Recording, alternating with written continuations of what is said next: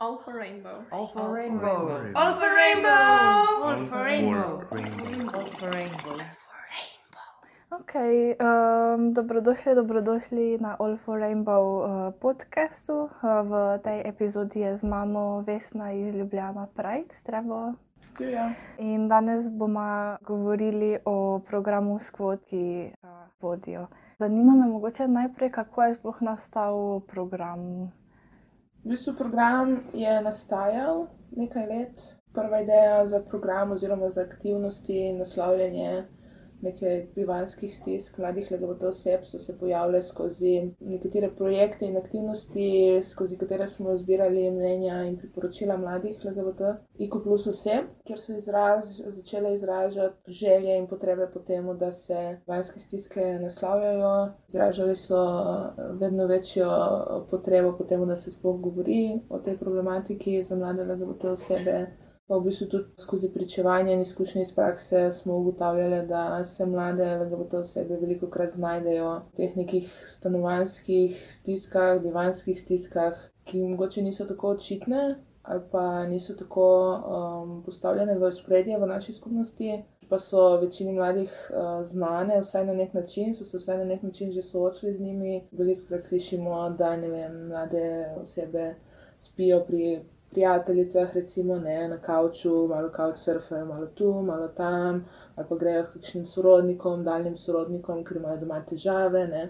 In v bistvu to so, vse, to so vse težave in problematike, ki smo jih mi v bistvu hoteli bolj strukturirano nasloviti znotraj tega programa. In smo, smo zato začeli uh, pred uh, tremi leti malo tipati, na kakšen način bi se tega lotili, uh, malo uh, pogledovati v tujino. In smo v bistvu tudi na podlagi uh, nekih dobrih praks iz tujine, nekih naših idej, nekih predlogov od mladih, uh, oblikovali neke, nek relativno celovit program, ki, ki naslavlja, tako kot sem rekla, ne samo brezdomnost kot tako, ne, v tem oskem uh, pomenu besede. Ponovadi, ko slišimo besedo brezdomnost, tako pomislimo na nekoga, ki spi na ulici ne, ali pa v nekem zavetišču. Mi smo se pa v bistvu oprli na koncept, ki ga v bistvu promovira FEANCA, to je Evropska federacija organizacij, ki se ukvarjajo z brezdomnostjo. Ta, to se v bistvu imenuje se tipologija etos. No? To je v bistvu nek koncept, ki ga oni v bistvu poskušajo po Evropi promovirati, zato da se um, razširi to razumevanje brezdomnosti ne? in zato da se poenoti raziskovanje. In ta tipologija v bistvu vsebuje situacije in bivanske stiske, ki jih mi v bistvu povzemamo s, s, s pojmom stanovanjska izključenost. In v bistvu, kot sem rekla, smo, hotel, smo želeli v, bistvu v tem programu naslavljati vse te situacije, ki jih sedaj razumemo kot stanovanjska izključenost. In to so tudi vse te dnevne oblike brezdomnosti, ko mladi recimo preživljajo dneve na Metelkovi, recimo v Ljubljani, je Metelkova prostor uh, za mlade, ali pa um, to spanje recimo pri prijateljicah, ne.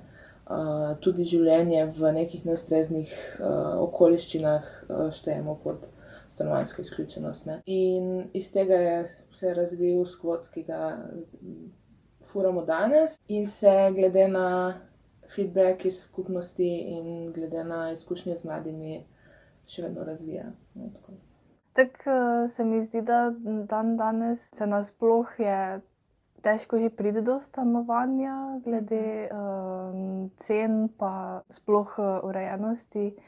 Uh, kakšne so specifike, posebej mogoče za LGBTQIA plus osebe, uh, glede stanovanske stiske? Ja, kot si rekla, v bistvu mlade LGBT osebe se soočajo hkrati z vsemi temi izzivi današnjega sveta, ki, ki pestijo mlade, ko se podajajo na pač nepremičninski trg, tako ali drugače. Je pa res, da, so, da je ta skupnost podvržena še dodatnim izzivom uh, na podlagi svojih identitet. In uh, največ o tem lahko povem na podlagi naše raziskave, ki smo jo lani uh, zaključili in objavili poročilo o njej, kjer smo v bistvu se ravno to spraševali, ne med drugim tudi, s čim, s čim se soočajo mlade LGBT osebe, ko poskušajo najti svoj, svoje mesto pod soncem, oziroma streho pod soncem. In uh, s, v bistvu um, na podlagi rezultatov, ki smo jih dobili z analizo teh podatkov, ne oseb, ki so dejansko odgovorile, imamo vzorec tam okrog 250 mladih, torej pod 30 let starih LGBTQ plus oseb. Ja, smo v bistvu ugotovili, da so specifike, ki se navezujejo prav na, na LGBTQ plus identitete. In sicer veliko krat se mladi soočajo s to stanovanjsko neko stisko oziroma bivansko stisko zaradi nasilja v družini ali pa nasilja v partnerskem odnosu, zaradi nesprejemanja strani družine. Ne, to, um, to so v bistvu stvari, ki jih vsi nekako vemo, mi smo jih malo potrdili z nekimi številkami. Ne.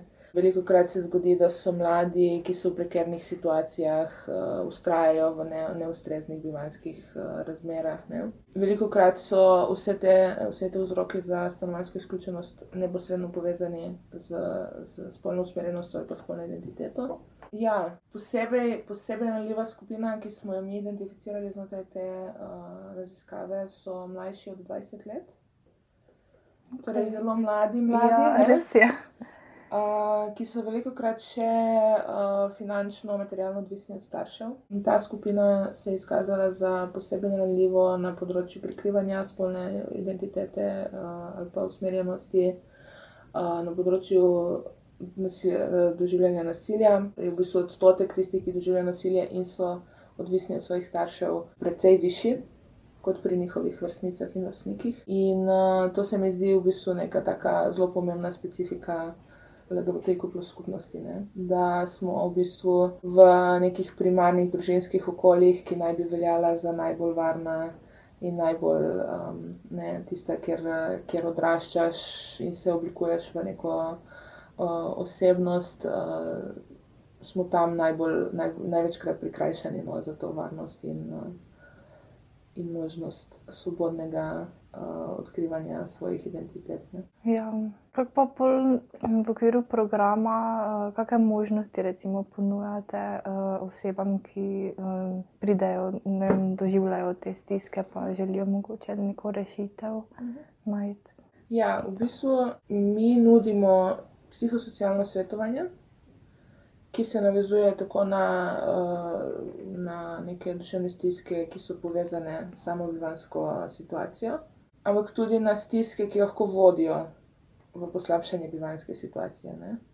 Tako da uh, psihosocialno svetovanje je dosta odprta storitev za, za večino LGBTQ plus mladih, ker smo v bistvu duševno zdravje oziroma težave v duševnem zdravju identificirali kot ene, enega izmed ključnih vzrokov in posledic Mm. bivanskih stisk. Tako da psihosocialno svetovanje je ena pomembna storitev, ki, ki, ki jo nudimo in jo vidimo kot preventivno in kot kurativno, torej um, storitev, ki lahko pomaga preprečiti ali pa odpraviti posledice bivanskih stisk. Nudimo tudi pravno-administrativno podporo. To v bistvu obsega um, vse od pomoči pri uh, budžetiranju svojih financ, uh, učenju, kako katere vse položnice je treba plačati, uh, kako si razporediti uh, mesečni dohodek, uh, zato da prideš skozi mesec. Do tega, da pomagamo vem, napisati dober CV ali pa motivacijsko pismo uh, pri iskanju zaposlitve, pa tudi bolj take zahtevne zadeve, kot so pomoč pri uh, kakšnih pravnih postopkih zoper starše, recimo, ne, to, to je dosti krat. Med mladimi LGBTQ osebami se dosti krat pojavi potreba po tem, da um, od staršev pridobijo preživnino, ki jim pripada. Ne. To se mi zdi ena tako pogosta situacija, mladi ostanejo brez strehe nad glavo ali pa sami grejo in starši si operejo roke, ne, čeprav so jih dolžni preživljati, dokler se šolajo in tako dalje. Ne. Da recimo tudi podporo v takih postopkih nudimo pri, ne vem, recimo pri uh, pridobivanju uh, državne, državnih podpor, ne, državnih socialnih uh, uh, pomoči. Tako da cel ta paket, ne, ko, nekdo, um, ko se nekdo sooča z neko tako situacijo in uh, nima vseh, dostopa do vseh teh informacij na kupu. Ne, um, v bistvu mi tu nudimo eno tako zelo individualizirano podporo, ne, glede na situacijo, identificiramo pač potrebe in Ja. jih tudi uh, naslovimo. Ena od uh, pomembnejših storitev so tudi krizne namestitve. To je, to je v bistvu storitev, ki se je najdlje razvijala, uh, na katero smo ful ponosni in ki se je zaenkrat izkazala za zelo uh, uspešno. Um, povzeta je delno po nekih praksah iz tujine, ampak je dosti inovativna v tem pogledu, da mi uh, nudimo, oziroma ne mi, ampak nudijo namestitve naše prostovoljke in prostovoljci pri sebi doma. Ne, torej gre za fizične osebe, ki nudijo kratkotrajne krizne namestitve za mlade LGBTQ plus osebe v stiski. In to je v bistvu ena, ena zadeva, ki je zelo, um, ki je meni recimo um, prinesla en, en velik, uh, eno veliko tako upanje in zaupanje v našo skupnost in v naše um, podpornice in podpornike, ker imamo v bistvu skupino uh, sedmih namestitev. V nekaterih, uh, nekatere namestitve predstavlja ena oseba, pri nekaterih mm. gre Mm. za par. Ne? Ampak je to uh, vse skupaj um, devet ljudi, ki že več kot eno leto redno sodelujejo z nami, ki se usposabljajo, ki so aktivno sodelovali tudi pri celotnem postavljanju tega sistema. Ne? Mi smo v bistvu pol leta se skupaj pogovarjali, kako bi to nastavili, kako bi to zafurali, ne? ker nismo se imeli na, nič, uh, na nobeno drugo prakso za upred. Um, tako da imamo v bistvu eno ekipo, zelo močno, uh, zelo močno ekipo prostovoljk, ki, ki so res uh, predane temu, kar, um, za kar so se javljene. In uh, zaenkrat nimamo še ne vem, nekih bajnih izkušenj, ampak zaenkrat to, kar uh, te namestitve, ki smo jih dejansko izvedli, uh, so se izkazale za v bistvu zelo pozitivne izkušnje na obeh straneh. Mm, tako da te namestitve so sicer res kratkotrajne, ponovadi načeloma dva tedna trajajo, tako da so res krizne, krizne, ne. Ampak še vedno za, za nekoga, ki se znajde v tako urgentni situaciji, da rabi namestitev, so res krasna zadeva. Ne. To so te neke glavne podpore, no, ki jo lahko nudimo mladim, ki se znajdejo v taki stiski, in jo nudimo tudi z izjemo kriznih namestitev dolgoročno, ne, gre za neko spremljanje, neki, um, nek tak partnerski odnos naredimo z mladimi, ki res vodi v to, da se sami postavijo na noge ne, z nekaj, nekaj dodanimi informacijami. Ne. Kaj te krizne namestitve eh, so, mislim, večinoma trenutno v okolici Ljubljane ali tudi eh, malo izven. Ne, trenutno imamo ja, večino v Ljubljani, ampak imamo namestitev tudi v Krškem, v Mariboru, na Ptuju in ja, ostale so v Ljubljani. Načrtujemo pa večji potem kol za nove namestitve časoma, ne, ki bodo pokrivale pač celotno Slovenijo. Super. Mm.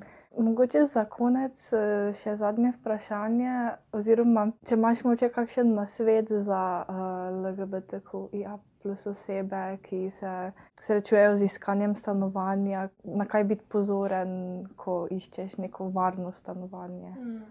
Mislim, ja, tako kot smo že rekli, te neke izzive, s katerimi se sooča celotna generacija, o tem je ogromno povedanega, ogromno napisanega, ne, kako si zagotoviti pravno-administrativno varnost. Mhm. Um, in to je zelo pomemben del uh, ne, te neke preprečevanja stanovanjske izključenosti. Govorimo o vem, ustrezno urejenih pogodbah ne, in podobnih zadevah, poznati svoje pravice kot podnajemniki, kot kupci stanovanj in tako dalje. Uh, tako da se ne bi zdaj tu spuščala v taka, take nasvete ali pa ideje. Meni se bolj zdi pomembno ozaveščati mlade LGBTQ plus osebe, da ni potrebno ustrajati v bivanjskih situacijah, ki niso ustrezne. Ne? Uh, v raziskavi se je izkazalo, da v bistvu velik del tistih mladih, za katere mi menimo po naši klasifikaciji, da so Mm. stanovanjsko izključeni, se tega ne zavedajo. Kar pomeni, da je v naši skupnosti normalizirano mm, doživljanje neke mere nasilja ali pa prikrivanje identitete zaradi svoje varnosti. Ne? In to so stvari, ki vodijo in poglabljajo te stiske. Ne? Tako da meni se recimo zdi na tej točki. Bolj kot ta pravno-administrativni nasvet, se mi zdi pomemben nasvet, oziroma uh, polagam na srce mladim, da si zaslužimo vsi dom, kjer smo lahko svobodni v svojih identitetah in osebnosti, in da smo pri tem varni in sprejeti, in da smo v bistvu mi tukaj zato, da jim pomagamo to doseči. Okay, super. Hvala, da si bila moja gostja. Hvala za vabilo. Um, All Rainbow podcast se poslavlja in se slišimo v naslednji epizodi. Adijo! All for rainbow. All for rainbow. All for rainbow! All for rainbow. rainbow. All for rainbow.